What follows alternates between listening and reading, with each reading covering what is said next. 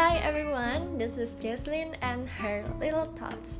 I'm a general practitioner lives in Indonesia, so my background is medicine and my passions are child health, public health, uh, skin health, and music. This podcast aims to get a different perspective of life, so it will be more about story of the day for 10 until 15 minutes, and I'll be talking more about interesting issues including health, life and its struggles, conversation with guests, or anything I have in mind. Uh, I made this podcast because I love sharing my ideas and what I'm passionate about, and I love when people get excited because of my positive vibe. Uh, at least that's what I've been told all the time.